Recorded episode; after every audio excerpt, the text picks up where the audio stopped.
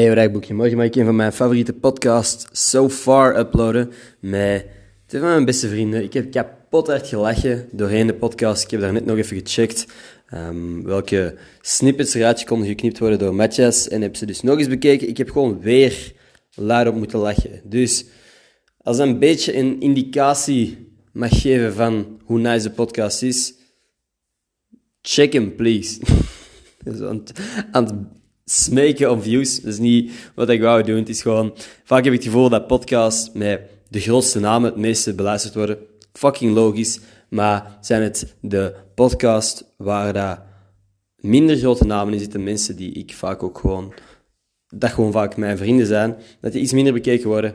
En dat is jammer, vind ik. Omdat dat vaak echt de meest grappige podcasts zijn, aangezien je zo heel de de, het, het kennis maken skipt. Je weet wie dat je bent, je weet wie dat de anderen zijn, bedoel ik dan.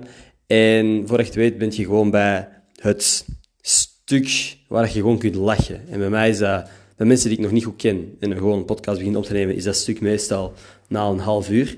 En bij deze is dat vanaf de eerste seconde dat we gewoon aan het lachen zijn met elkaar, met onszelf. Dus apprecieer ik zo hard. Het is echt een van mijn favoriete podcasts om te posten. Ik heb vandaag geen hol gedaan verder. Enkel gezien dat dat in orde kwam. Heb gisteren, trouwens, dat moet ik wel vergeten te zeggen, heb ik gegolfd met mijn mama. was jaren geleden, volgens mij, dat ik nog eens een golfclub had vastgepakt op die manier. En op die manier, dat klinkt alsof ik gekke dingen doe met golfclubs in mijn vrije tijd. Gewoon om echt een wedstrijd te spelen, bedoel ik dan. Dat was al even geleden. En dat was leuk. Ik heb me maf geamuseerd. Met mijn mama een beetje quality time is ook altijd zalig. En ik ben echt aan het denken of ik vandaag nog iets echt memorabel heb gedaan. Het antwoord is duidelijk nee, aangezien ik het mij niet herinner. Anyway, tot morgen.